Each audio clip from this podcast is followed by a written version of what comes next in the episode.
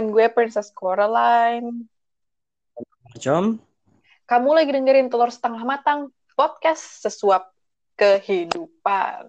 Sekarang kita uh, masuk ke episode ketiga, dan kita akan ngomongin tentang mencari jati diri saat kita udah dewasa. Ini akan menarik hmm. banget sih, karena uh, biasa jati diri itu kayak uh, masih kaitan besar dengan kaitannya saat kita masih remaja atau kita uh, umur 20-an awal ya.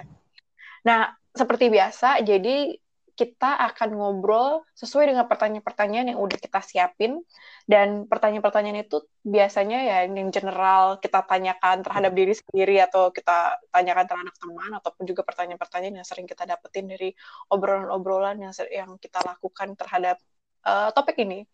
Dan pertanyaannya akan dilontarkan secara random. Mau disclaimer, lagi-lagi dan disclaimer bahwa kita bukan ahli, kita berdua.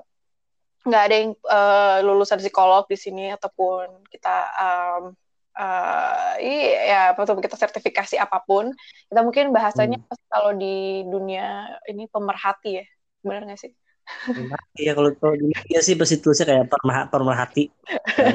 Iya kita pemerhati mm, dunia-dunia eksistensialisme dan uh, dan filosofis. Jadi um, ya yeah, this is purely for fun, purely observational dan ya cuman sekedar apa ya cerita aja sih curhat. Mungkin ada yang ngerasain hal sama atau mungkin ada yang merasa berbeda. Ya, yeah, so this is just a place to feel that way. Ya. Begitu.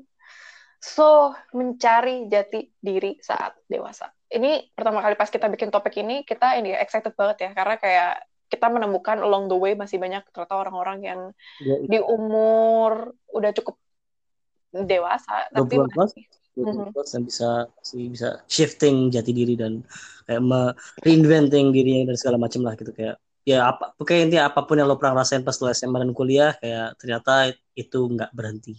Mm -hmm. So, what's the first question then? Oke, okay, pertanyaan pertama. Siapa sih yang perlu kita impress? Uh. Right. In general ya, kayak siapa yang perlu kita impress?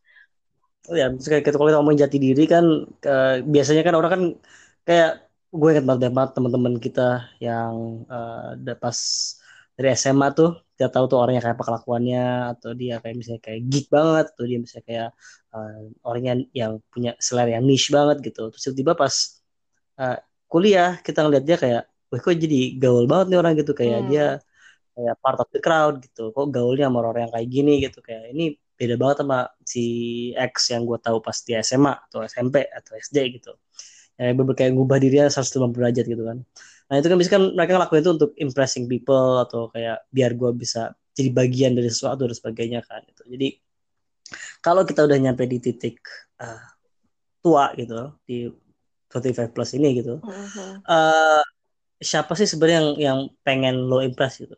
20-an. Gue rasa mungkin masih sama gak sih ininya apa namanya uh, formulanya gitu bahwa kayak kita melakukan hal-hal tentunya untuk mengimpress diri kita sendiri satu gitu. Eh tapi mungkin konsep diri kita sendiri lebih, lebih baru datang berikutnya pas kita udah lebih dewasa ya. Tapi yang pertama tetap kita impress impress orang lain, impress orang tua, impress uh, iya orang lain sih. Kita at least in, at least dalam kasus gue gitu bahwa kayak ketika gue melakukan sesuatu atau gue mencapai sesuatu atau gue kayak hmm, ya gue kayak semacam pengen dapet validasi secara eksternal juga sih dan data itu datangnya dari teman dari keluarga gitu tapi semakin gue tua gue semakin menemukan konsep impressing diri lo sendiri gitu buat kayak hmm. you know what uh, gue nyampe ke sini that, that was awesome gitu dari itu sesuatu yang hmm. perlu dilatih juga sih untuk kayak being content dan kayak a pat in the back and say that yeah, I impressed about what you doing gitu ya yeah, ya yeah, yeah kayak ya impressing diri sendiri itu menarik sih konsep yang menarik sih kayak. jadi bukan eksternal ya faktornya lebih ke internal ya kayak lebih ke challenging ourselves gitu tapi kayak kadang-kadang kan jati diri bukan tentang itu kan jati diri itu kan hmm. biasanya lebih kepada hal-hal yang uh, kosmetik gitu kan yang kita lihat lah yang kita tahu gitu atau nggak usah kosmetik deh kita bahkan kayak masalah filosofi hidup gitu mm-hmm. kayak mungkin ini seperti kita bahas yang di di di episode satu tentang kayak uh, orang-orang yang mendefinisikan dewasa tuh kayak gimana gitu Hmm. ya kan jadi kayak harus ada kayak pakemnya gitu loh dan jati diri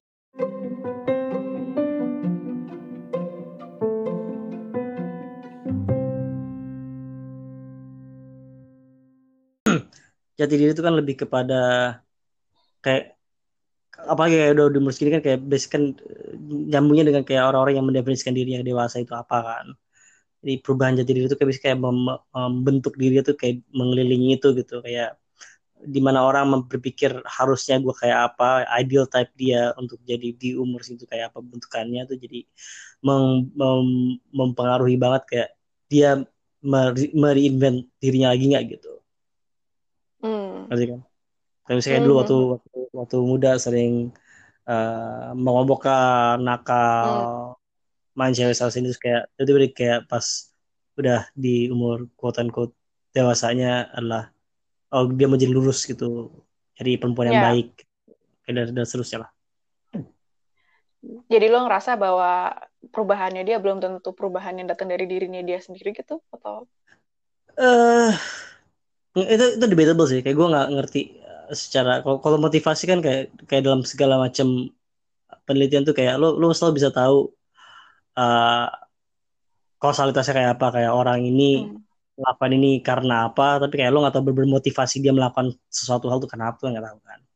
Jadi gue nggak bisa Hmm. bilang kayak di dirinya sendiri apa enggak mungkin iya mungkin mungkin nggak. Mungkin karena society meng- menekan dia untuk mempunyai se- apa jati diri tertentu. Atau misalnya kayak uh, dia menyesali sesuatu hal terus kayak dia harus kayak oke gue time to turn my life around kayak gitulah konsep-konsepnya. Ya. Tapi akan selalu menurut menurut gue atau ya sepenglihatan gue bahwa orang selalu akan berubah mengubah dirinya dia untuk menjadi quote unquote yang lebih baik gitu kan. Kayak Hmm. apa pun yang lebih baik itu. Tentunya kayak kalau lo pada saat muda dulu terlalu sering menyakiti diri lo sendiri antara lo ngedrugs atau lo pak minum terlalu banyak atau lo nggak Hmm, pernah hmm, tidur gitu misalnya of course you Hmm. of course gitu masuk akal untuk kayak kalau lo me- me- apa namanya mau menempuh Ya, jalur kehidupan yang lebih sehat gitu ya, dan ya. I think it's fine tapi kayak em, kadang yang yang sebenarnya nggak bukan masalah juga sih kalau lo mau mengimpress orang lain gitu dalam dalam perjalanan hidup lo gitu mungkin juga ketika external validity itu datang dan itu ternyata membuat lo menjadi lebih baik koron Hmm. atau mungkin nggak lebih gue nggak suka kata lebih baik karena pada akhirnya apa sih baik gitu kan kayak Ya. mungkin kayak lebih lebih apa ya kayak kata-kata yang lebih quantifiable gitu kayak lebih sehat lebih happy lebih Ya, ya, content ya. lebih lebih whatever apa pun lah itu yang lo mau memformulasikan itu sendiri gitu dan dan uh, I think it, it doesn't matter siapa yang mau lo impress tentunya kayak as long as you do it for yourself aja sih Hmm. Hmm, hmm. ya kayak Iya. karena aneh aja ya sorry Ya, terus saya aneh aja kenapa? Oh, karena ya aneh aja kalau misalnya eh, apa ya lo ngelakuin hal tapi lo juga nggak happy gitu buat itu gitu. Uh, well, iya sih, cuman kayak nggak tau gue mikir kayak kadang-kadang orang kan suka gitu kan kayak kok lo jadi kayak gini sih anaknya? Atau bahkan kayak bak ah oh ya kayak gue gue gue, gue kayak, kayak merasa kayak dijudge gue kayak gue tidak berubah gitu dari gue SMA sampai sekarang itu dari pandangan hidup sampai segala macamnya. Dan sekarang itu hal yang buruk gitu kalau untuk Bahwa, bahwa seharusnya lo berubah gitu ya di umur sekian Buat- gitu ada kayak expiry date-nya. betul untuk jadi kayak jati diri kan konsepnya adalah sh- lo tuh siapa gitu atau bagaimana lo mem- mem- mempresent diri lo gitu itu kan jati diri kan Mhm. Uh, untuk memilih jati diri yang berbeda atau niche atau tidak sesuai pakem atau tidak sesuai uh, tuntutan masyarakat tuh kayak untuk banyak orang tuh uh, nggak bener gitu konsepnya lah Hmm. itu Ya, Be- tapi ya sebenarnya se- sesama-samanya orang, apakah kayak emang orang itu orang itu sama? Kayaknya itu perubahan itu sesuatu hal yang tidak bisa dihindari nggak sih? Kayak orang pasti akan berubah gitu. kalau kalau kita ngomong perubahannya ya oke mhm, mhm, mhm, no, no, no, ya. Eh, kalau kita ngomongin perubahannya sih kayak iya perubahan sih perubahan itu bukan masalah perubahan tapi kayak bagaimana orang itu merubah dirinya ya kita udah bilang kan oh, idealnya adalah lo harusnya impress diri lo sendiri gitu. Harus kayak uh, gue mau menjadi lebih XYZ gitu. Ya apa itu? Sehat lebih hmm. baik lebih uh, lebih taat dengan sesuatu atau lebih uh, membahagiakan orang atau membahagiakan diri sendiri kan itu kan selalu kan itu kan goalsnya kan.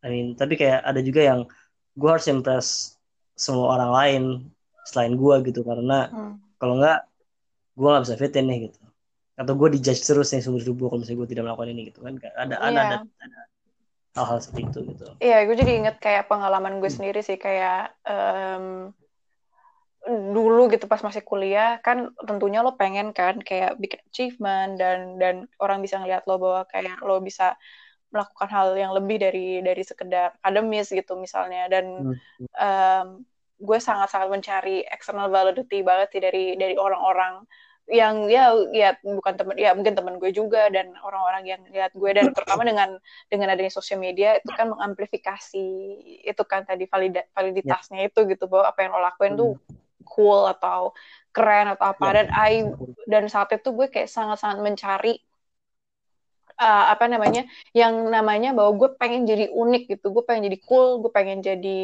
uh, keren bahwa kayak gue adalah satu-satunya orang yang paling keren di angkatan gue gitu dan gue merasa I was back then. At least juga at least juga kayak banyak orang yang kayak memberikan uh, validasi itu juga ke gue gitu. Jadi gue kayak oh ya yeah, gitu.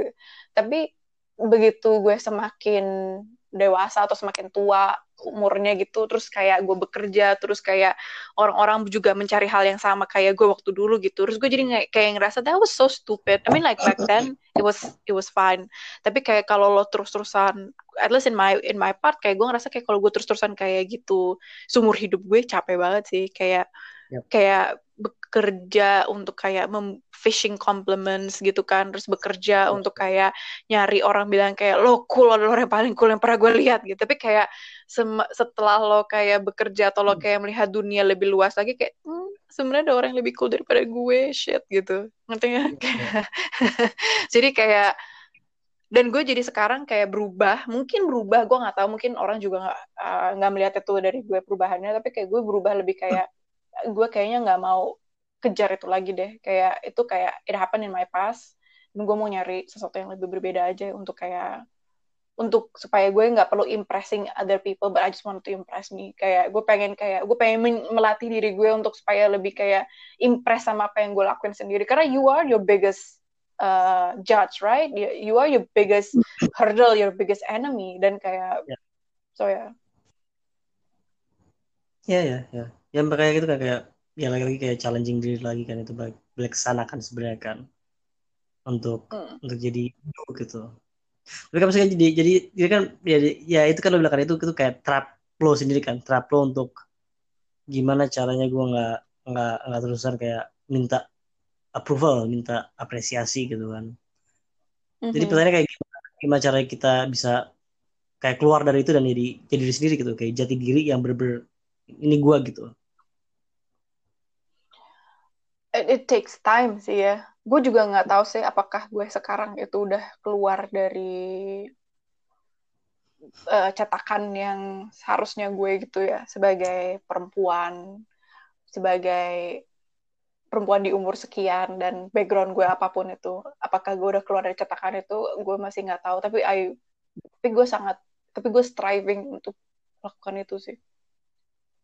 Hmm. untuk bisa keluar dari situ dan konsep diri sendiri itu kan juga luas ya kayak mungkin besar kaitannya sama tadi yang gue bilang soal impressing yourself gitu bahwa kayak ketika lo ngerasa happy atau content dengan apa yang udah lo capai atau dengan perubahan yang terjadi sama diri lo sendiri mungkin lo udah jadi diri sendiri sih jadinya ya sih mungkin kata-kata yang paling sesuai sama itu ya itu berdamai sama diri sendiri kali itu pada satu hmm. jadi sini adalah kayak dengan berdamai dengan kayak segala macam uh, insecurities dan kayak keresahan uh, pribadi gitu yang kayak um, gue gue kayak gue jadi kayak gini karena misalnya orang tua gue atau gue jadi kayak gini karena uh, dulu gue pernah di di abuse misalnya atau hal-hal yang kayak gitu. Lo berdamai dengan kondisi lo saat ini dan konten dengan kayak lo siapa sekarang ini? Kayak udah gitu. Atau dulu kayak lo pengen gue pengen karirnya kayak gini dan lo gagal tengah jalan misalnya gitu. Mm-hmm. itu kan lu kan dan apa ngejar itu loh ngejar ngejar terus gitu suatu hal yang kayak kita susah capai gitu. Dan lo membangun diri lo sendiri kayak uh, bagaimana lo bersikap bagaimana lo bekerja bagaimana lo melihat segala sesuatu mengelilingi itu gitu kan. Dan hmm. ya ya iya itu sih kayak untuk keluar dari itu adalah dengan berdamai dengan kayak semua hantu-hantu masa lalu sebenarnya. Mm-hmm.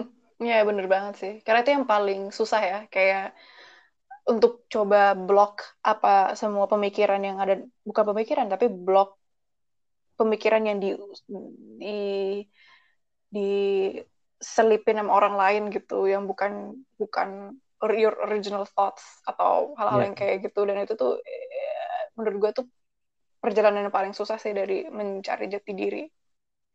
Betul. Iya kayak Karena, misalnya hmm. sorry ya kayak misalnya kayak perempuan semua perempuan pasti ngerasain ini bahwa kayak semua perempuan lain akan melihat badan lo dan bilang kayak eh lo kayaknya gendutan atau kayak uh, sesuatu hmm. besaran hmm. atau terlalu kurus atau apa gitu hmm. dan akhirnya lo kayak hmm. menjalani lo menjalani sesuatu hal gitu untuk kayak mengubah itu entah lo kayak hmm program diet atau lo kayak olahraga atau apa but then you look at the mirror and you never feel enough. Terus kayak hmm. bahwa kayak apa pun perubahan dalam ini lo kayak eh, lengan lo jadi terlalu besar pada getting muscular gitu kan. Kayak hal-hal yang kayak gitu yang kayak I mean seberapa pun berdamai sama diri lo, at least berarti at least berarti mungkin secara parameter gue belum berdamai dengan diri gue karena gue masih sangat-sangat kritikal dan kayak berpikir kayaknya kalau gue kayak lihat kayak gini. Orang lain bakal bilang gede banget sih tangannya gitu atau apa gitu. You know jadi dia pada akhirnya kayak gue belum nyampe sana sih. Gue masih belum berdamai sama diri gue sendiri. Ya mungkin kayak lebih tepat lagi kayak kan kan berusaha berdamai kali ya. kayak kita kan nggak mungkin kayak totally berdamai dengan kayak segala macam flaws yang kita punya kan.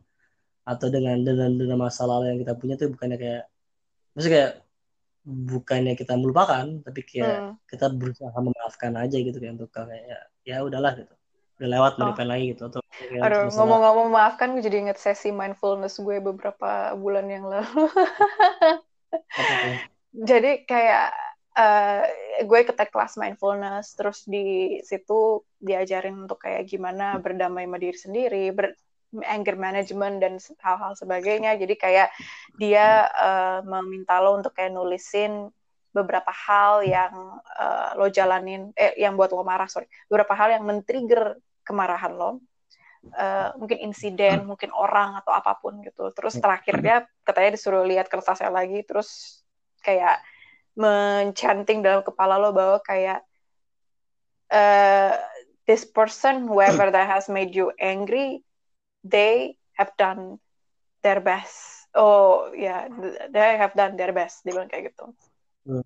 Dengan dalam artian dalam dengan tujuan bahwa maafkanlah mereka. They, they, they have done their best in the in the, the given situation gitu. Kayak seperti mm -hmm. bagaimananya lo juga bakal marah kalau misalnya uh, lo juga di situasi yang sama gitu. Tapi hmm. tapi saat itu gue kayak eh, no.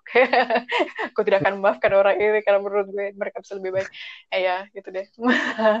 Tapi jadi kayak salah satu journey uh, untuk kayak menemukan jati diri lo untuk kayak berdamai sama diri lo sendiri dan dimulai juga lo berdamai sama pas dan bahwa lo nggak bisa mengubah hal lain gitu selain lo mengubah diri lo sendiri dan persepsi diri lo terhadap lingkungan hmm. lo gitu. Which I think it's a good thing sih sebenarnya, benar part. Iya, iya. Ya, ya oke. Okay. Jadi apa ya, maafkan lah ya salah satu salah satu terapinya ya atau paling enggak ya ya udahlah kayak lo lo udah nggak di hidup udah kayak bye bye gue udah hmm. nggak inget lo lagi misalnya kayak gitu ya kurang lebih ya hmm, bisa bisa kayak gitu oke okay, so ngomongin masa lalu gitu kayak cara kita pegang terhadap kayak kayak kita pas ke, pas muda kan kayak ada idealisme idealisme yang kita punya kan di kepala kita gitu kayak yeah. kita jadi orang yang tidak korup misalnya atau menjadi orang yang tidak melakukan A B C gitu. Kita punya idealisme kayak kok kita ingin membangun dunia menjadi lebih baik gitu ya. Ya yeah. biasalah. Little did we know. Ya gitu juga kayak ah gue punya punya uh, dunia ideal yang utopis dan kayak gue akan mencoba menjadikan itu kayak kenyataan gitu misalnya. Jadi kayak gimana sih cara kita dan itu kan sebenarnya kan bikin kita rada waras kan sebenarnya kayak uh, idealisme idealisme kecil itu paling kan tuh kayak mengguide kita atau menciptakan uh, personal moral lah jatuhnya Iya, gitu. iya, moral. Ya, dan kayak kita megangnya gimana gitu sebenarnya. Itu pertanyaan kan di situ kan. Gimana sih cara kayak holding on untuk itu untuk kayak karena kan di dunia kerja kan kayak kadang-kadang nggak semuanya sesuai harapan lo kayak apa yang lo Hmm. percayai itu adalah salah atau apa yang lo percayai itu adalah kok gini sih gitu. Apa yang lo pikir kayak harusnya kayak gini tapi nggak ternyata enggak. Gimana kita clinging on Iya. ke ke kepercayaan itu untuk kayak men- menjaga sanity Gue kita gue gitu. gue yakin semua orang pernah nge- mengalami ini ya bahwa kayak kita punya idealisme dulu terus kemudian kayak lo crush dan disappointed dengan apa yang terjadi gitu. Do you remember when it when it happened? Gua Uh, oh lama do you banget sih. vividly remember? Gimana tel? crush gitu gimana ya gimana misalnya coba contoh Crushed aja kayak oh I, ya kayak I didn't picture this kayak oh kayak kayak itu tiap hari gitu. tiap, tiap hari kalau itu kejadian kalau di gua Do you know when the first time it happens? Kayak the first, the very first time. oh udah lama sekali gitu kayak mungkin dari gua kecil kali dari gua SD Oh, mungkin kayak gua udah pernah mengalami itu gitu bahwa kayak gua kan gua dulu sempet nggak sekolah di sini nggak sekolahnya di di Singapura kan kayak uh, how people judge you tuh kayak mengecewakan aja buat gua waktu kecil gitu kayak hanya karena gue tidak bisa berbahasa Indonesia dengan baik pada pada awalnya. Jadi itu kayak itu apa ya crush Mas itu pertama kali terus kayak begitu gue masuk ke uh, SMA mungkin itu hmm. juga merusak pendapat gue terhadap kayak manusia mayoritas pada umumnya gitu kayak ba- jadi gue dari sekolah swasta uh, Katolik terus gue pindah ke Hmm. sekolah negeri dan di situ kayak yang bikin gue crush banget adalah bagaimana orang memperlakukan minoritas di sana gitu ya Yeah. kayak itu Hmm. itu juga kayak banyak sekali kayak akhir hal-hal yang kayak crushing idealism gue kayak oh ternyata orang tuh nggak gitu ya gitu meskipun gitu kayak gue gue sih nggak akan nggak pernah backing out dari dari apa namanya dari ya idealisme awalnya gitu bahwa kayak eh, harusnya nggak kayak gitu kejadian dan kayak gue akan at least gue nggak kayak gitu. Walaupun semua orang kayak gitu gue akan nggak kayak gitu. Dan ya at least gue bisa maintain itu sampai sekarang sih paling nggak. Yeah, that's great. Ya, gue kayak, gue dulu punya idealisme dan setiap kali misalnya gue ngobrol sama orang lebih tua, nyokap gue atau siapa gitu, pasti mereka akan bilang kayak, eh, well, you'll see, you'll see that will never happen. Atau kayak, oh, lo terlalu rigid atau apa gitu. Tapi sebenarnya setelah gue pikir-pikir, I think never cross anyone's idealism sih. Menurut gue ya. Jangan pernah lo bilang sama orang itu kayak, hmm, but that's not how it happens. Atau kayak, hmm, you will you will see it differently. Tapi menurut gue, kar karena penting banget buat semua pertumbuhan semua orang bahwa kayak lo punya that idealism, terus lo yang kayak um, uh, disappointed gitu. Kayaknya perlu banget gak sih untuk kayak, at least di gue tuh gue ngerasa bahwa kayak ketika gue disappointed itu emang sedihnya luar biasa banget tapi pada saat gue pikir kayak oh so ini adalah cara ada adalah kesempatan untuk gue either correcting my expectations atau correcting my way atau ya learning from that lah gitu intinya gitu untuk untuk untuk dalam ketika ketika idealisme lo uh, terkecewakan gitu. Misalnya kayak um, bahwa kayak uh, idealisme gue ah apa sih idealisme gue ya mungkin dulu karena gue kerja di non profit terus kayak gue punya idealisme tentang kayak gimana kayak uh, bisa ngebantu orang. Tapi sebenarnya gue kerja di non profit bukan karena gue pengen ngebantu orang sih. Kayak solely because I thought that was my biggest strength.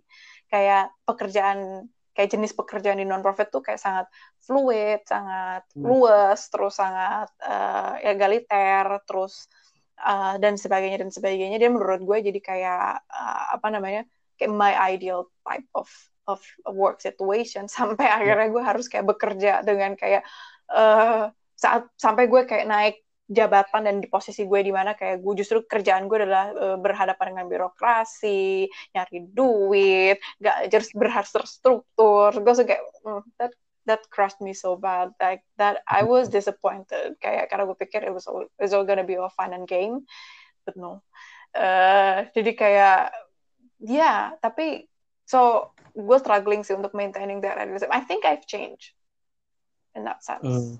in that particular thing gitu gue berubah yeah. bahwa gue udah nggak melihat itu kayak gitu lagi ya yeah. oke okay. kayak jadi kayak at the end it's all the same gitu. Peter dan terus kayak perasaan lo kayak dengan idealism itu terchallenge itu gimana? Kayak lo copingnya gimana? Hmm, uh, yang pasti yang pertama sedih dulu sih. Terus yang kedua adalah kenapa it makes me really sad? Kayak meng, meng, meng, meng, meng, menganalisa apa yang terjadi gitu dan coba untuk kayak make sense of it aja sih. Dan mungkin lebih kayak karena gue tipikal orang yang kayak if it doesn't work for me maybe it's never gonna work. Dan gue bukan yang hmm. mau dan gue bukan tipikal orang yang kayak gue harus coba lagi. Kayak gitu karena um, karena gue nggak suka stresnya kalau yang sampai harus kayak gitu. Jadi gue mikir kayak hmm, maybe I should try another thing.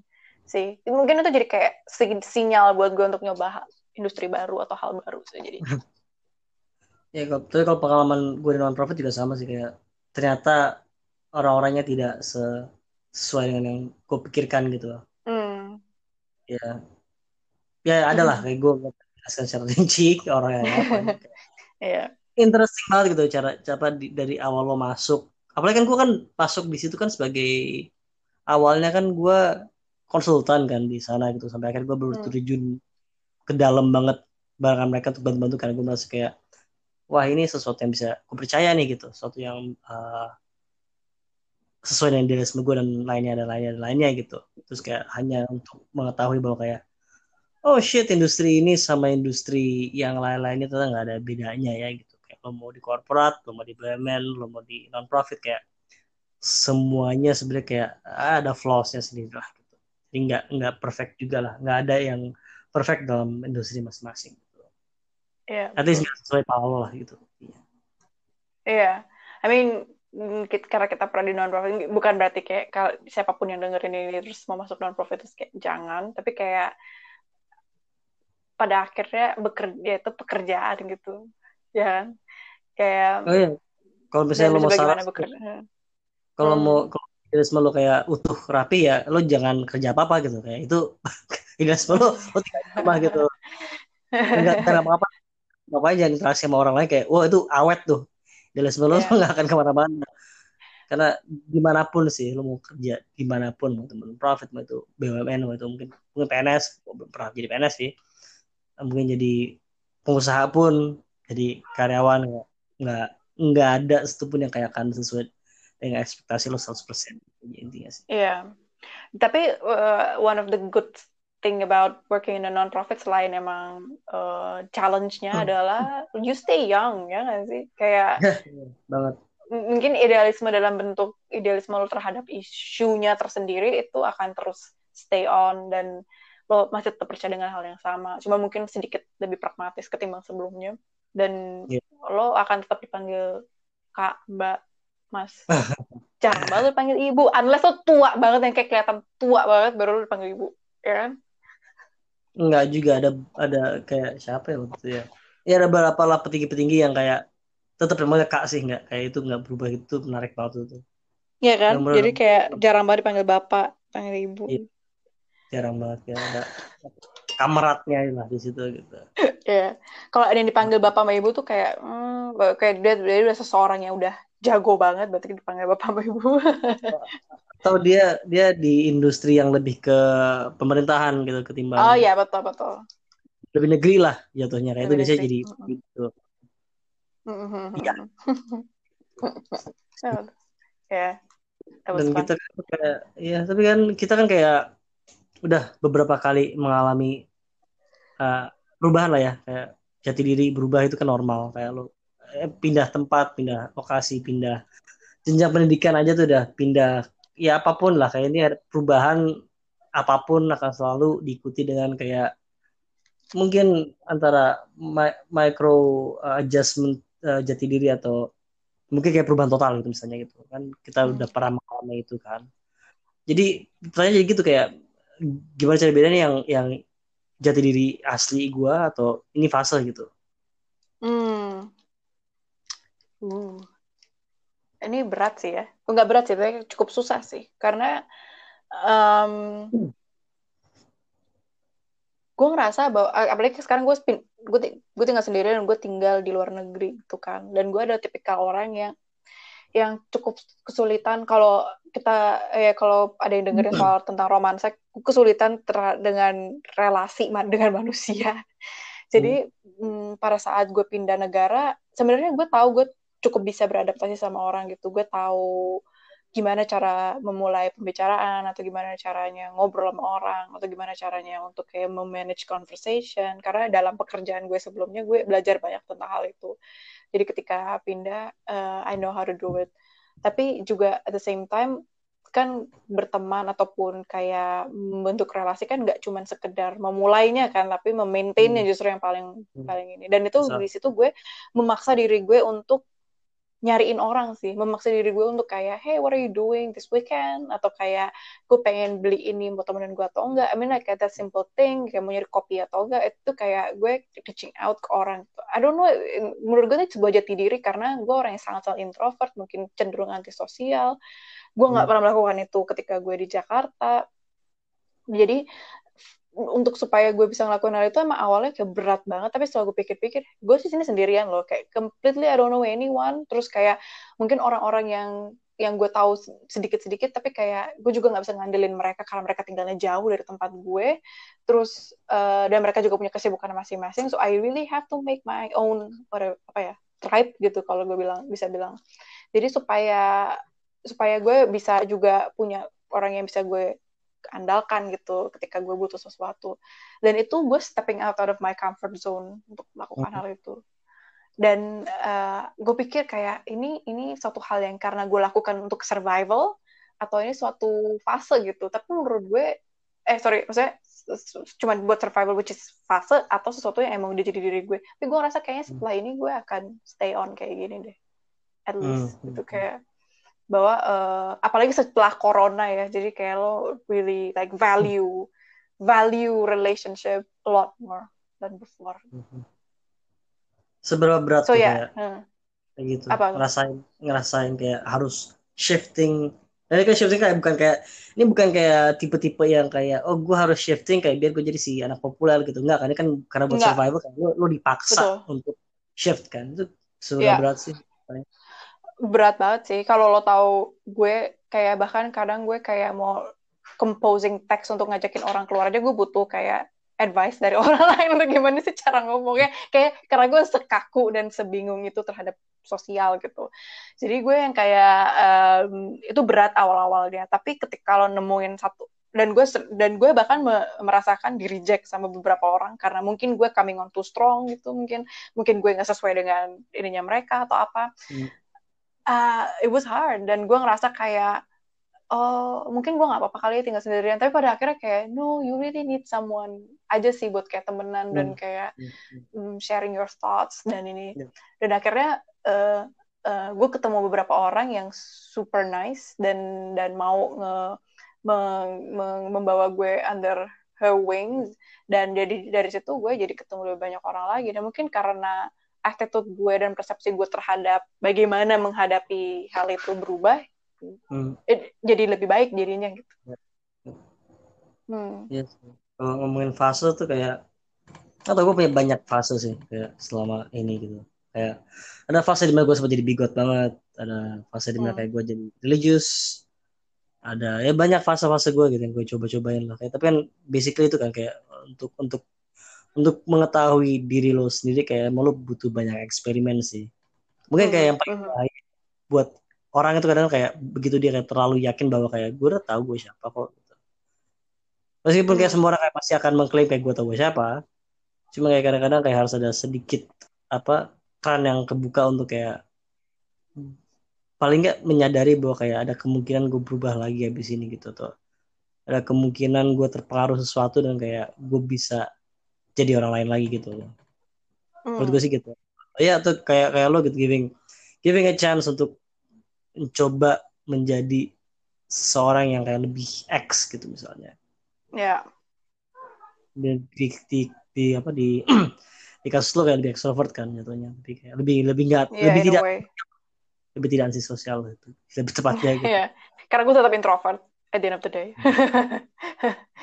ya yeah, uh, tapi lo nggak nggak hadapinnya itu gimana lo kayak membedakannya gimana kayak apa karena lo udah nggak tertarik hmm. lagi itu jadi sebuah fase atau kayak ketika lo masih tertarik dan lo masih ngejalanin itu hmm. atau dan lo ngerasa kayak cocok gue cocok nih gitu jadi jadi itu jadi part of you atau gimana? Karena klop aja sih jadi kayak itu itu bagian dari diri gue gitu kayak misalnya uh, di titik di mana kayak lo bigot terus kayak lo ketemu orang-orang yang kayak yang lo harusnya nih orang-orang ini kayak orang ini buruk harusnya nih tapi setelah lo ketemu dan ngobrol dan enggak kok kayak persepsi gue salah banget nih tentang mereka gitu gue kayak hmm.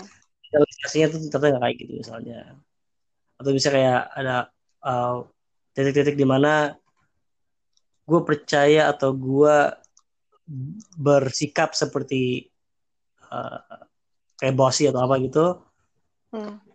Atau misalnya bahkan kayak bersikap maruk gitu misalnya kayak lo lo ada, ada dulu kayak uh, dulu gue kayak percaya bahwa kayak ya kalau misalnya lo bisa menguntungkan sebaik-baiknya lo keuntungan ya sikat aja gitu tanpa hmm. peduli hmm.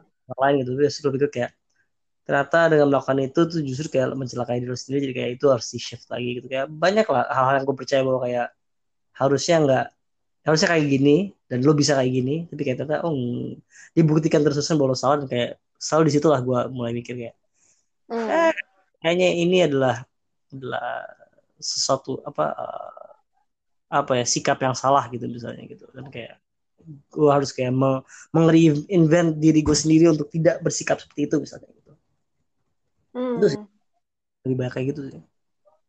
Iya, iya sih itu lagi mikir-mikir gitu kayak um, fase emang emang jadi harus uh, ada ya. Maksudnya tergantung sih seberapa eksperimentalnya orang kan. Kayak ada orang yang bisa mengubah berubah-ubah terus apa yang dia suka atau apa yang hmm. personal nggak personality juga sih tapi kayak berubah-ubah terus pandangannya terus karena dia juga lagi nyari jati dirinya dia atau kayak lagi nyari tadi uh, apa yang sesuai sama dirinya dia sendiri. I think that's yeah. totally fine ya nggak sih? Mungkin tapi banyak orang yang bakal annoy sih sama orang-orang yang kayak gitu. Ya yang personalnya berubah terus ya. Iya annoying pasti yeah. cuma cuma kenyataannya kan ya itu kadang-kadang personality lo itu hanya bisa di hanya bisa terjadi pada saat kayak ya lo mau memikirkan kayak harusnya ini benar apa enggak atau ini sesuai dengan gue apa enggak gitu tuh ini bikin gue nyaman apa enggak? Itu sih kata-kata paling gampang sih kayak ini bikin gue nyaman apa enggak gitu. Hmm. melakukan menjadi seperti ini berperilaku seperti ini itu membuat gue nyaman nggak? Membuat orang lain nyaman nggak? Kalau orang lain nggak nyaman gue peduli nggak? Kalau misalnya lo nggak peduli ya nggak apa juga sih kayak oh perilaku ini membuat orang kesel sama gue gue harus peduli gak ya? Kayaknya nggak deh ya bodo amat ya kayak ya udah kalau misalnya lo nggak suka yeah. gue gitu. itu kan lagi-lagi kan kayak lo memanage uh, apa ya perasaan lo sendiri gitu memanage uh, emosi lo sendiri. Uh, dan kayak bagaimana lo bisa konten dengan diri lo itu kan tadi kan yang kita juga ngomong dari awal kan ya hmm. untuk impressing kayak ya just impress yourself gitu kalau kalau misalnya lo merasa diri lo sendiri udah konten sama diri lo ya udah nggak usah nggak usah ngubah apa apa gitu tapi kayak begitu itu ada ada sesuatu yang mengganggu atau mengganjal atau lo merasa kayak kayaknya gue harus gini terus deh dan kayak januli itu datang dari diri lo kayak kenapa enggak gitu ya yeah. ya yeah. Iya, yeah, gue jadi inget sih kayak beberapa banyak banget beberapa situasi di mana gue dipaksa untuk jadi diri gue yang sangat yang bukan diri gue. Kayak misalnya, hmm. misalnya gue tidak terstruktur orangnya, dan gue suka banget tidak terstruktur tidak strukturan gue itu karena gue merasa banyak banget ide-ide brilian gue muncul karena gue nggak terstruktur gitu. Hmm. Tapi gue di saat pertama kali gue kerja gue dipaksa banget untuk kayak catat semuanya, uh, make a to-do list, make this Excel sheet yang bikin kayak lo semakin terstruktur dalam lo ngerjain beberapa hal gitu kayak uh, I think it's a good training at first tapi at the same time gue ngerasa tuh fase buat gue karena abis itu gue kayak gue tinggalin aja deh gitu kayak karena buat gue melakukan menstruktur kerjaan gue tuh kayak another chore gitu loh dan gue nggak mau melakukan itu jadi kayak akhirnya at the end gue kayak come to terms bahwa kayak I'm not a structured person so take me or leave me gitu jadinya kayak mm -hmm you just have to deal that I'm not that kind of person. Sebagaimana gue dealing sama banyak orang lainnya yang punya karakter masing-masing gitu kan. Jadi kayak I think yeah, I think in, um, pada akhirnya kayak gue kayak just dan kayaknya lo tahu juga kan kayak gue orangnya nggak bersih terus kayak gue sempet stres soal kalau misalnya ngeliat barang-barang yang nggak bersih dan sebagaimana dan sebagainya. Hmm. tapi kayak semakin ke sini gue yang kayak ya gue emang gue jorok ya udah deh gitu. Kayak hmm. terima aja. Gitu. Yeah I think I'm not bothered by that at the end. Now right now gue kayak kayak, kayak udah lebih kayak this is who I am just you know what? Kayak gue emang gini clumsy mungkin untuk kayak ya itu kunci ya kali kayak untuk kayak nggak kalau misalnya lo nggak yeah. kalau misalnya lo nggak ganggu ya udah gitu nggak bukan urusan lo lagi betul betul yeah. ya jadi kayak ini pertanyaan lompat banget sih yang ini sih kayak mulai oh, hobi oh, ya? baru uh. boleh nggak oh oke okay, oke okay. boleh atau enggak ya mulai hobi baru menurut gue boleh banget ya menurut gue boleh banget karena hobi baru itu adalah bentuk sebagai bentuk bukan cuma bentuk kayak willingness lo untuk belajar hal, baru nggak sih? Kayak hmm. dan kayak ketika kita semakin dewasa jadi lo ngerasa kayak oh I know stuff no but you don't really gitu. Maksudnya apa kalau tahu caranya potong rambut misalnya kalau nggak karena covid lo nggak tahu cara potong rambut gitu. Atau kayak hmm. masak misalnya masak kayak covid bikin orang jadi lebih banyak belajar masak sepedaan, olahraga atau apa pun apa pun semuanya gitu. Gue ngerasa tuh hal yang menurut gue sebagai manusia lo harus berkembang terus dan this is one of the way. Kalau misalnya lo ngerasa nggak bisa berkembang di kantor for some reason, systematic reason gitu misalnya kayak lo bisa berkembang di tempat lain gitu dan ini I'm all for hobi baru. As annoying yeah. as it is and as expensive as it is.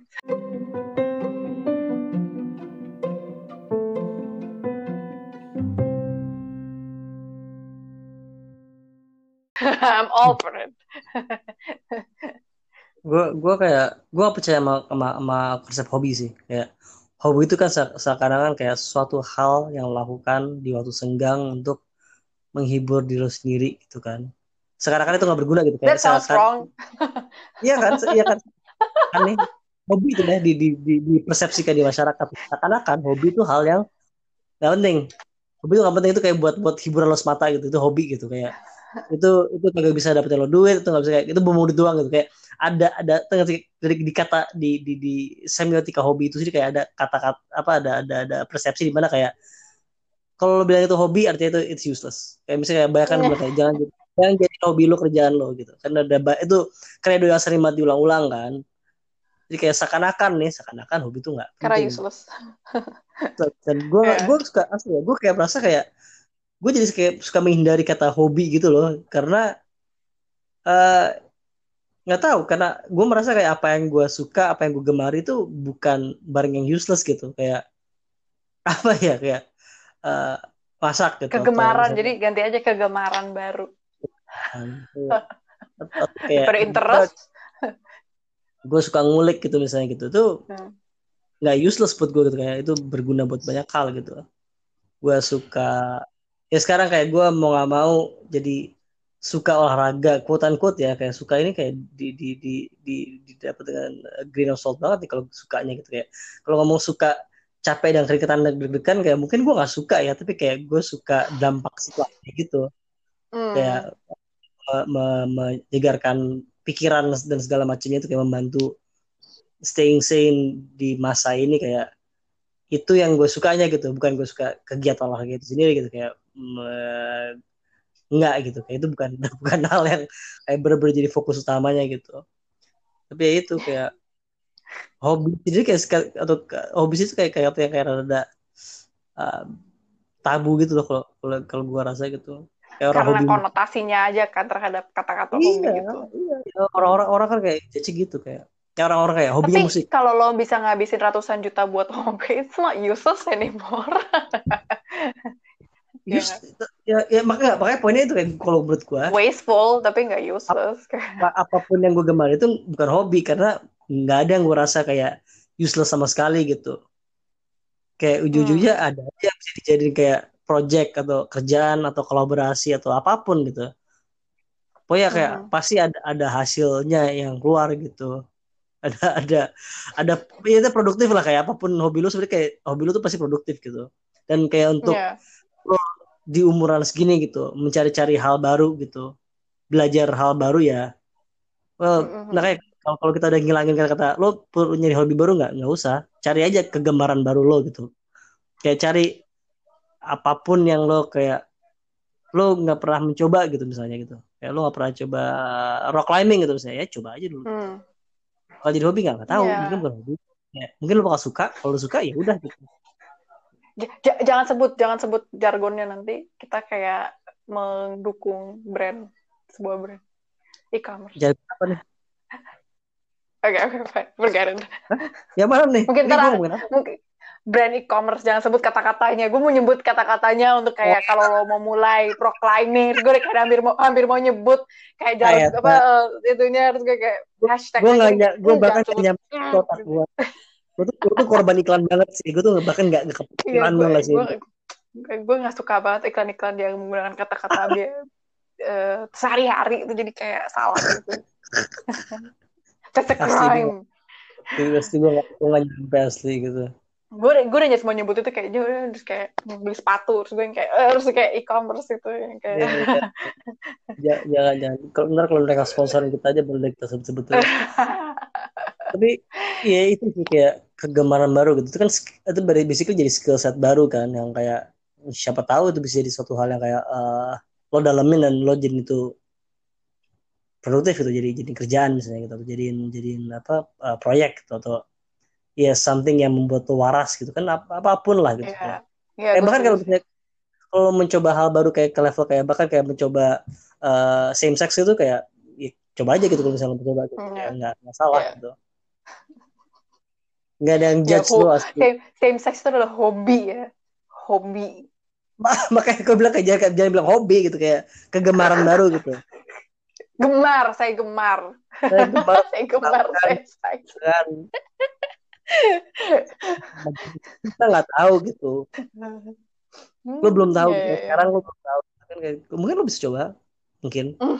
kalau kamu juga apa apa gitu gak ada masalah Iya. dari guru Emang nggak ada limitnya sih untuk kayak nyobain Nggak. kegemaran baru atau hobi baru gitu.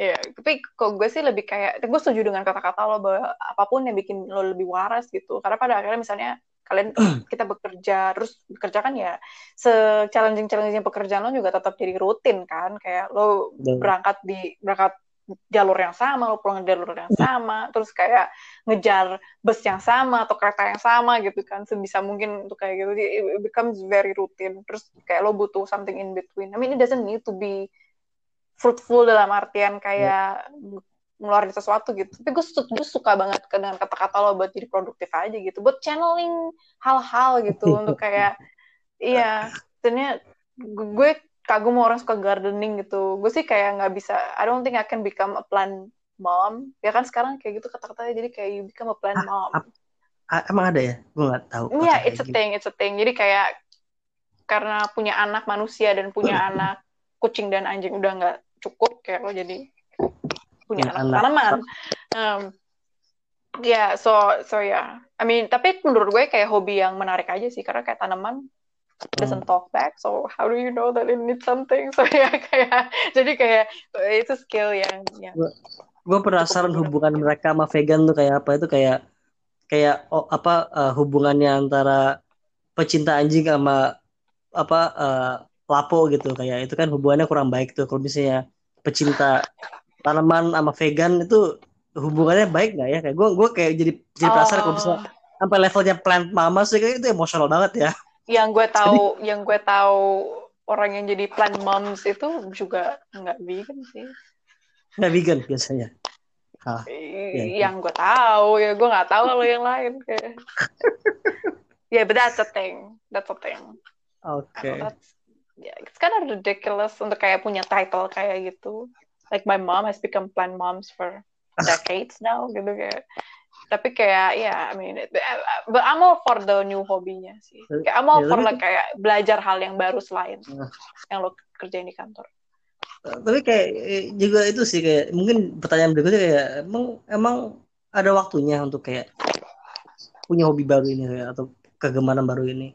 Gimana cara nyarinya gitu kan apalagi kayak sekarang gitu Iya, oh, apalagi justru malah karena kayak lagi sekarang sekarang ya nggak sih? Kayak you have all the time in the world right now. Stop work. I mean like Konten- fine, still sorry sorry. uh, wait, uh, uh, maksud gue kayak still worry about the COVID, definitely. Still worry about like Hmm. social distancing, definitely. But when you're at home, kayak kalau lo nggak harus worried atau lo ada waktu seberapa menit bahwa lo nggak perlu khawatir dengan apa yang terjadi di luar sana, Hmm. explore yourself. Kayak Hmm, hmm, hmm, hmm, hmm. Iya, iya kan? Kayak Iya. Iya, coba aja gitu. I mean like nyoba masak gitu misalnya. Terus orang kayak nyoba resep-resep. It's fun. It's fun.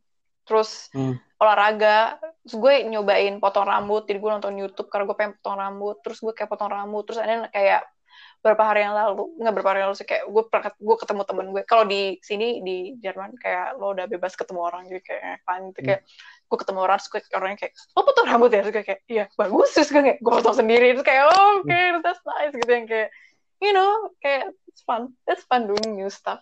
Atau podcast Hmm. kayak gini kayak it's fun. Ya, suatu kegemaran baru kan ya.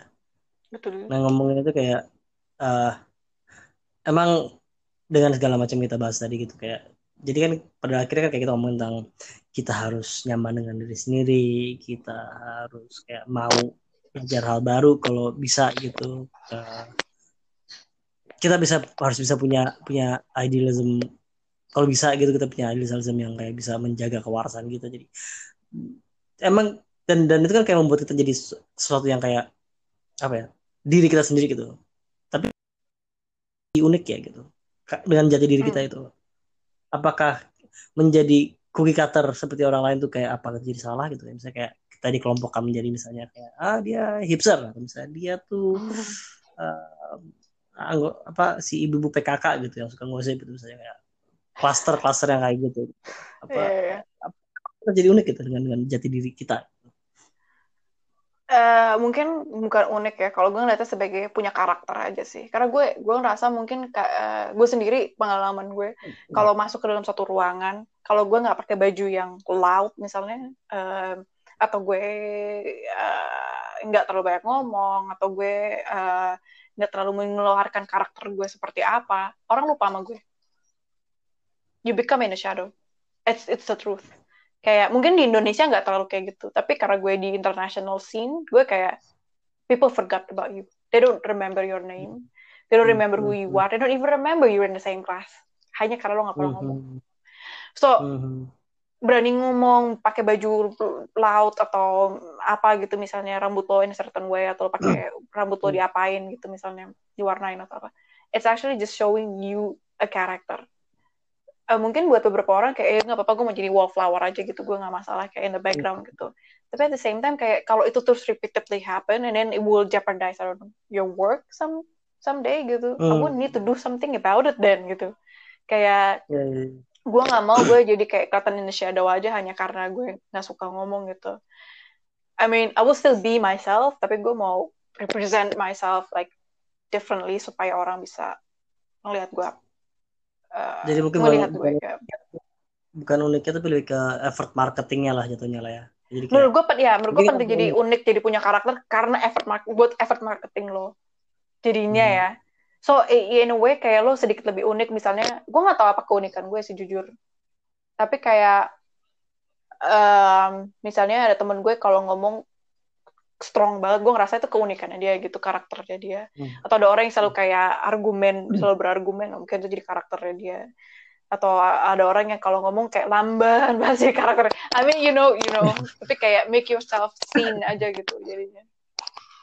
Ya, ya, ya. kalau kalau gitu sih kayak itu gue mempelajari itu di di dari dari mungkin umur yang cukup muda sih dari mungkin kuliah kali ya gue mulai ngerasain kayak gitu jadi kan eh, di kuliah kan kalau di tempat yang itu kan tempat yang kayak orang cukup kompetitif kan ya semua orang pengen banget ngomong gitu Eh, kebetulan gue pendek orangnya gitu dan kayak ke- kebetulan gitu kalau lo pendek kayak orang tuh ada, ada tendensi untuk tidak lihat lu gitu kayak lo pasti di wallflower sih kalau kalau diem aja gitu.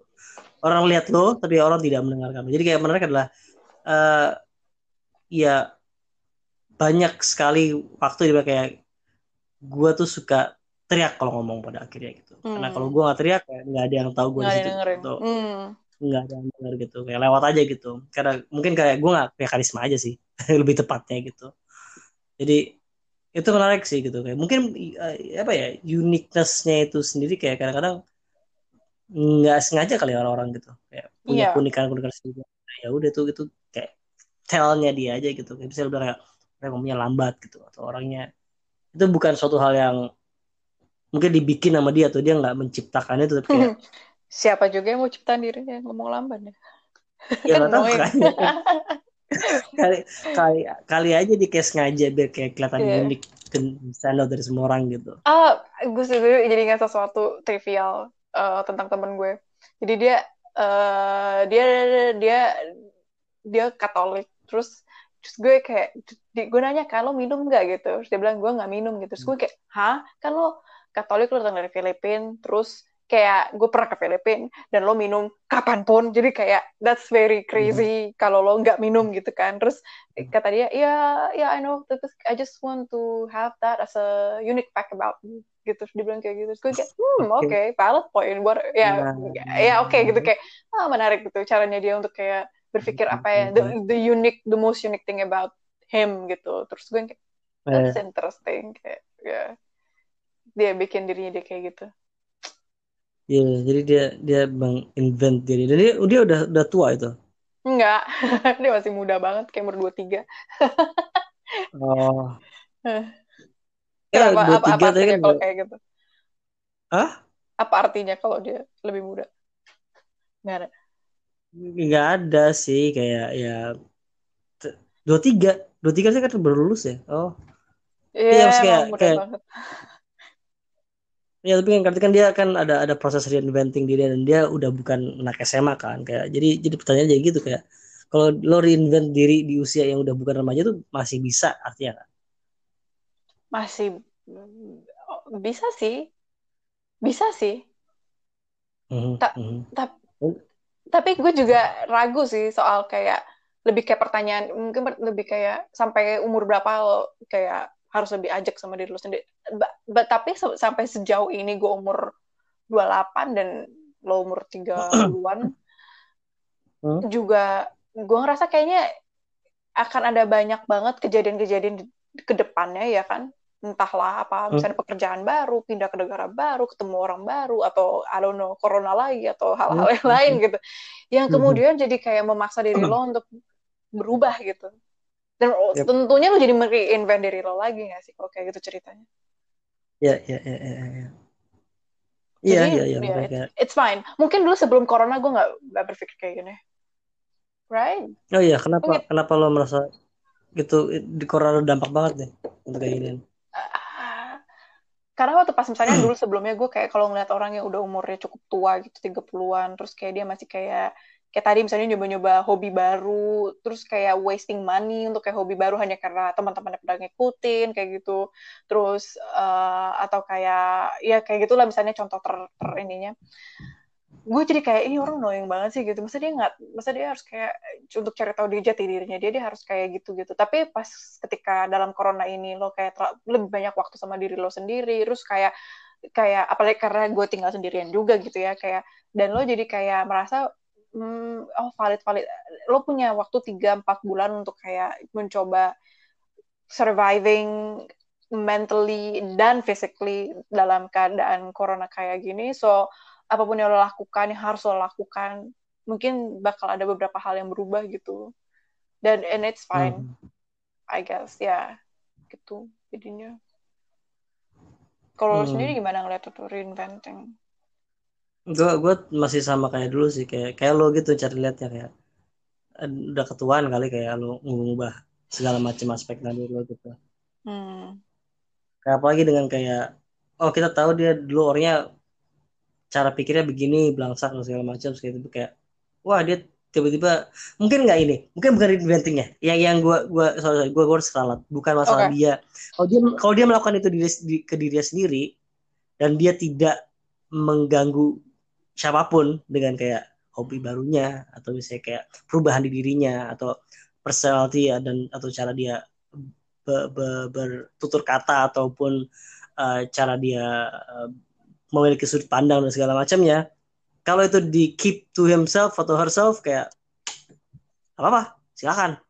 Ada masalah gue yang jadi masalah pada saat di umur umur segini dia invent dirinya lalu kayak semua orang harus ikutan dengan invention Hmm. reinventionnya dia sendiri karena menurut dia kayak Hmm. ini adalah ini adalah bentuk apa ya paling benar ini final formnya kita nih gitu harusnya ini final form jadi kayak lo harus ikutan kita semua gitu itu sih kayak, lo tau lah orang lo tahu orang-orang itulah gitu kayak lo Iya. nggak ada nggak mungkin ada orang yang nggak tahu orang yang kayak gini gitu Ah, ya itu udah pasti iya. Jadi- Dia jadi dia mau buat dia mau bikin kultus apa gimana? eh mungkin tapi kayak ya gitu kayak misalnya ya itu kayak anak sepedaan gitu terus kayak begitu lo kalau cara ngajaknya dia tuh kayak wah masa lo nggak gini sih bro kayak ayo lah biar sabar ini kan kita tua gitu kayak ya ada ada cabang olahraga yang lainnya lagi sih tapi kayak oke Iya. gitu. dan kita tahu kayak dia tuh baru baru banget mulai sepedaan gitu, kayak nyari teman gitu loh kayak pada saat dia merubah dirinya dia pengen semua orang lain ikutan berubah karena kayak dia merasa bahwa perubahannya dia tuh udah signifikan sekali gitu. Loh. atau mungkin dia merasa ada ada effort untuk merubah dirinya jadi kayak lo semua harus ikutan kayak gue kayak gitu. Mahal ya tapi ininya. oh mahal mahal banget. Terus, Nah, terus eh, nanti kayak itu belum lagi kalau nanti lo beli sesuatu terus dijudge gitu sama dia kayak oh lo belinya gituan? Oh iya ya kayak kelas gituan ya oke apa ya menurut gue reinvent your self reinventing itu sesuatu hal yang spiritual nggak sih? Dan eh, sesuatu hal yang spiritual itu em, buat konsumsi diri Personal. sendiri aja gitu. Iya Hmm. personal gitu. Karena kayak eh, apa pun journey yang lo lewatin itu lo yang ngerasain lo gitu. Itu lo, iya, lo yang experience itu gitu. Jadi kayak susah banget untuk orang bisa connect sama apa yang lo rasain gitu. Kecuali emang orang itu mencari hal yang sama ya kan kayak emang oh selama oh Iya. selama ini gue memang men- mencoba mencari jati diri apa pun yang udah lo ca- capai gitu itu bakal it easier to connect gitu apalagi kayak hobi baru juga kayak hmm, Mhm. susah buat orang buat kayak nyobain hal baru karena it is expensive man kayak are, are you saying that gue harus spend 10 millions rupiah gitu supaya gue bisa sit in your uh, so so that I can sit with you Mean Girls Hmm. reference. ya. Iya.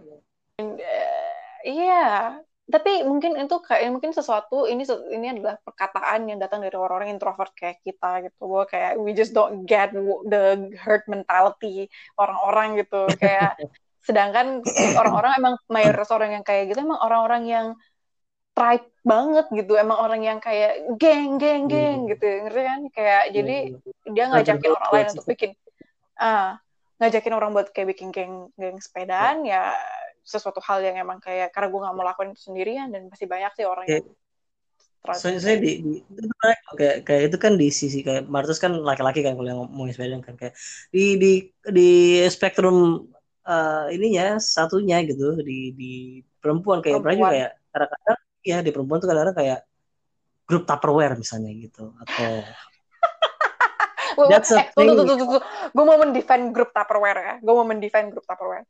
Ya. Grup Tupperware itu kan MLM ya kan. Itu ada, Ya. ada tuh itu itu bentuk pemasukan buat ibu-ibu ibu-ibu rumah tangga supaya mereka lebih berdaya. So gue mendefend mereka bahwa kayak Tupperware membantu eh, pembangunan negara. Jadi kayak no, no, don't, jangan ke sana arahnya. jangan ngomongin grup Tupperware. ya mis sama tapi kayak agresivitasnya tuh sama gitu kayak kalau satu aneh Eh, terus ta- tapi Tupperware tapi Tupperware kan kayak beli aja bu Tupperware buat taruh di kulkas supaya lebih tersusun rapi buat anaknya berani makan lah sepeda si orang yang yang yang ngepaksain buat beli sepeda juga kagak dapat komisi dari situ heran Oh iya, iya sih. Kan? Iya, tapi kan tetap aja kayak mereka tuh seakan-akan dapat komisi ngomong cara ngomong cara men- ya ya, ya, sih. Menjelaskannya. Atau apa ya Iya. kalau kalau di sisi satunya apa ya gitu kayak. Sisi perempuannya Kan- iya. Nggak kayaknya gue laki-laki deh yang kayak gitu enggak enggak mungkin.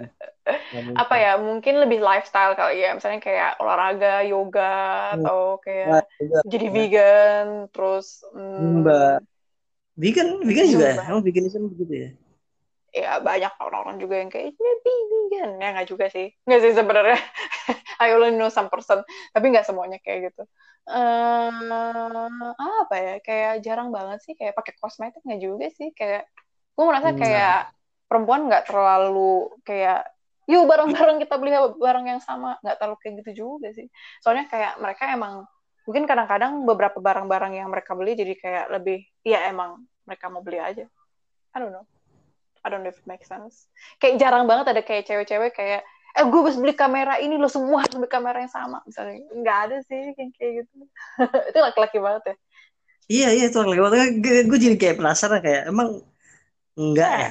Apakah, apakah di perempuan udah kayak ada, uh, misalnya kayak grup yang kayak suka bersolek gitu misalnya, yang kayak emang beli makeup-makeup mahal, satu geng gitu.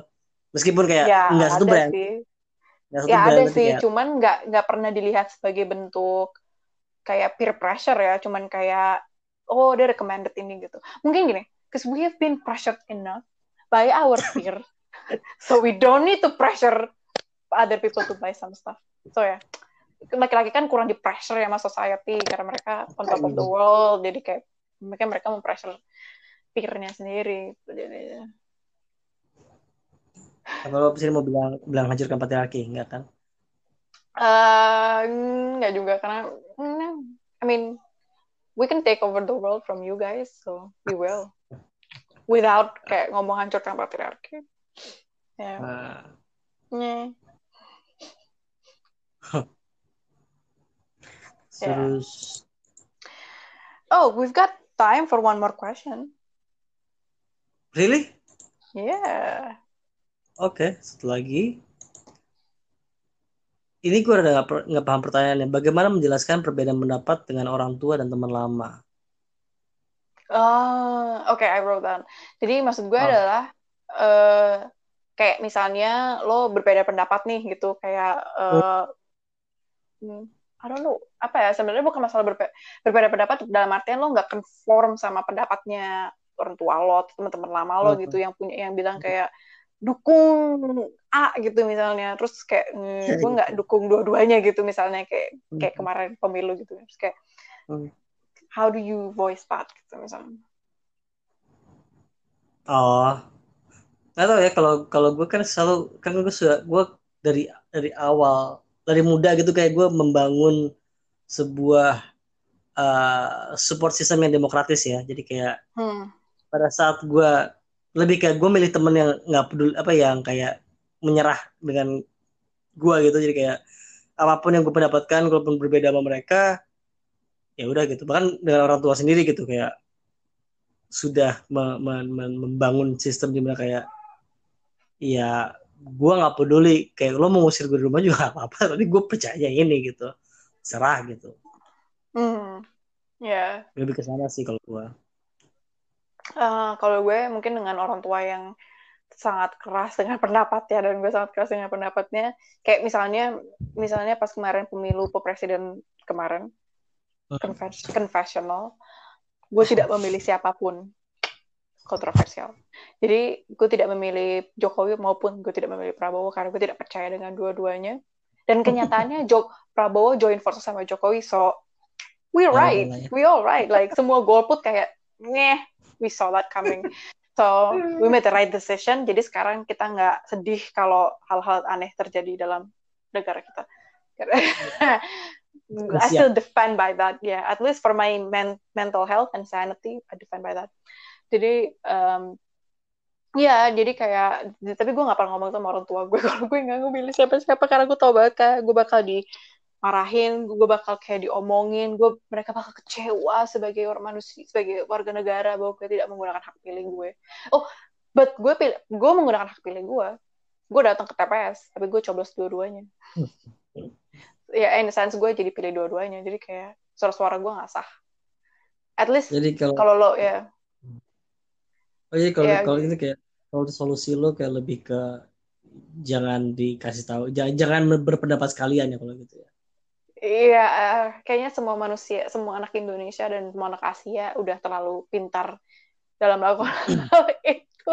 Mereka adalah ahlinya untuk kayak avoiding questions, avoiding answers, and and, and having double identity. kayak all the Asian kids I know have double identity, all of them. Kayak yang kayak nggak bisa pulang dan bilang kalau dia gay atau kayak nggak bisa pulang dan bilang bahwa kayak I have in pork and go to club and have sex with strangers or whatever. Nggak bisa kayak gitu. Atau kayak nggak bisa pulang dan bilang kayak I denounce my religion. Nggak bisa kayak gitu. All that stuff.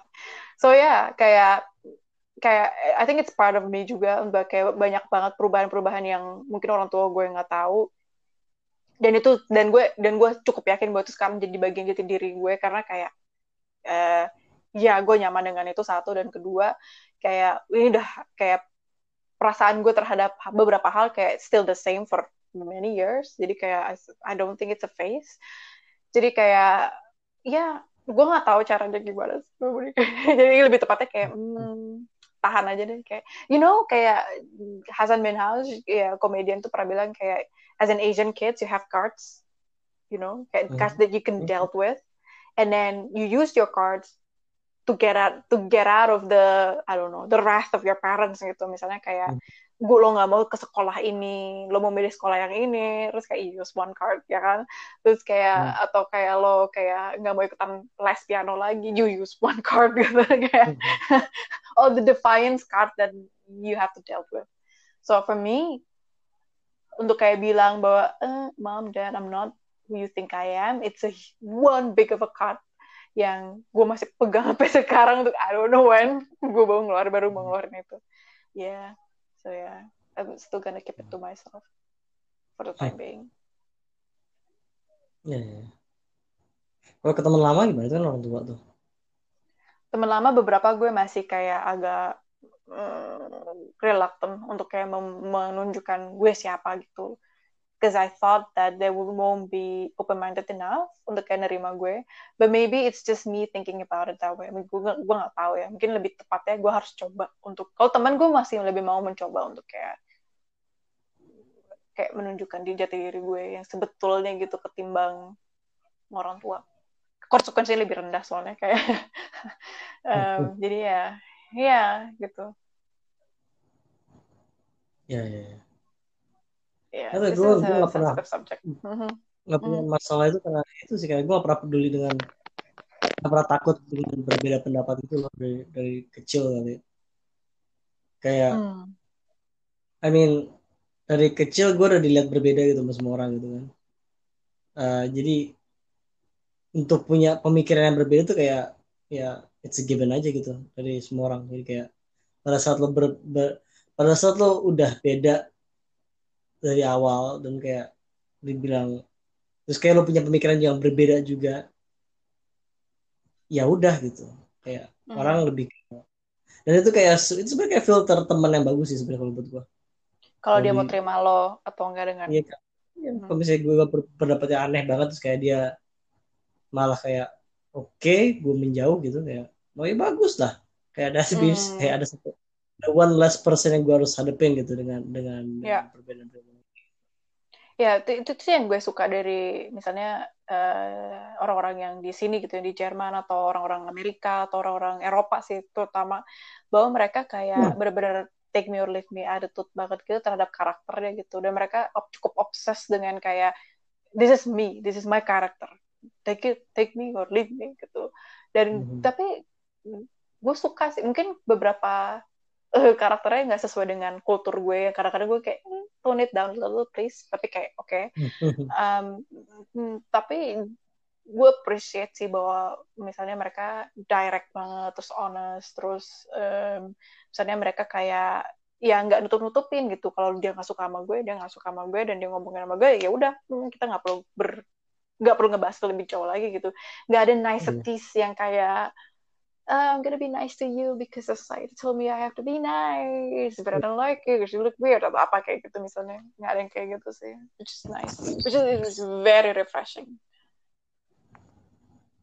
Ya menyenangkan sih kalau udah punya udah punya lingkungan kayak gitu sih. Mm -hmm. Yeah. so okay, um, that was our last question, and mm -hmm. yeah, that was the the end of this podcast. Dan ada nggak your apa last words for this? atau conclusion atau kalau gue sih kalau bisa kayak lebih kayak ya udah jadi konten lah dengan diri sendiri dan ya do whatever the fuck you want sebenarnya sih tapi kayak hmm. ya dengan memahami konsekuensinya aja gitu itu, itu adalah jati diri kan kayak -huh.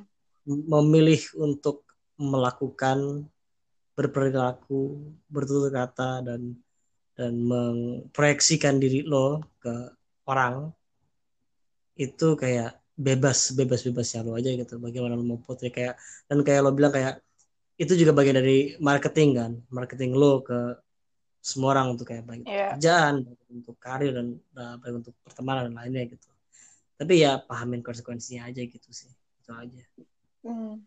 kalau dari gue sih kayak uh, kita harus terus berkembang dan harus terus belajar aja sih ke depannya dan kayak menemukan jati diri itu sebagai bentuk uh, apa tadi uh, uh, rejuvenating yourself, reviving whatever spark and passion that you have.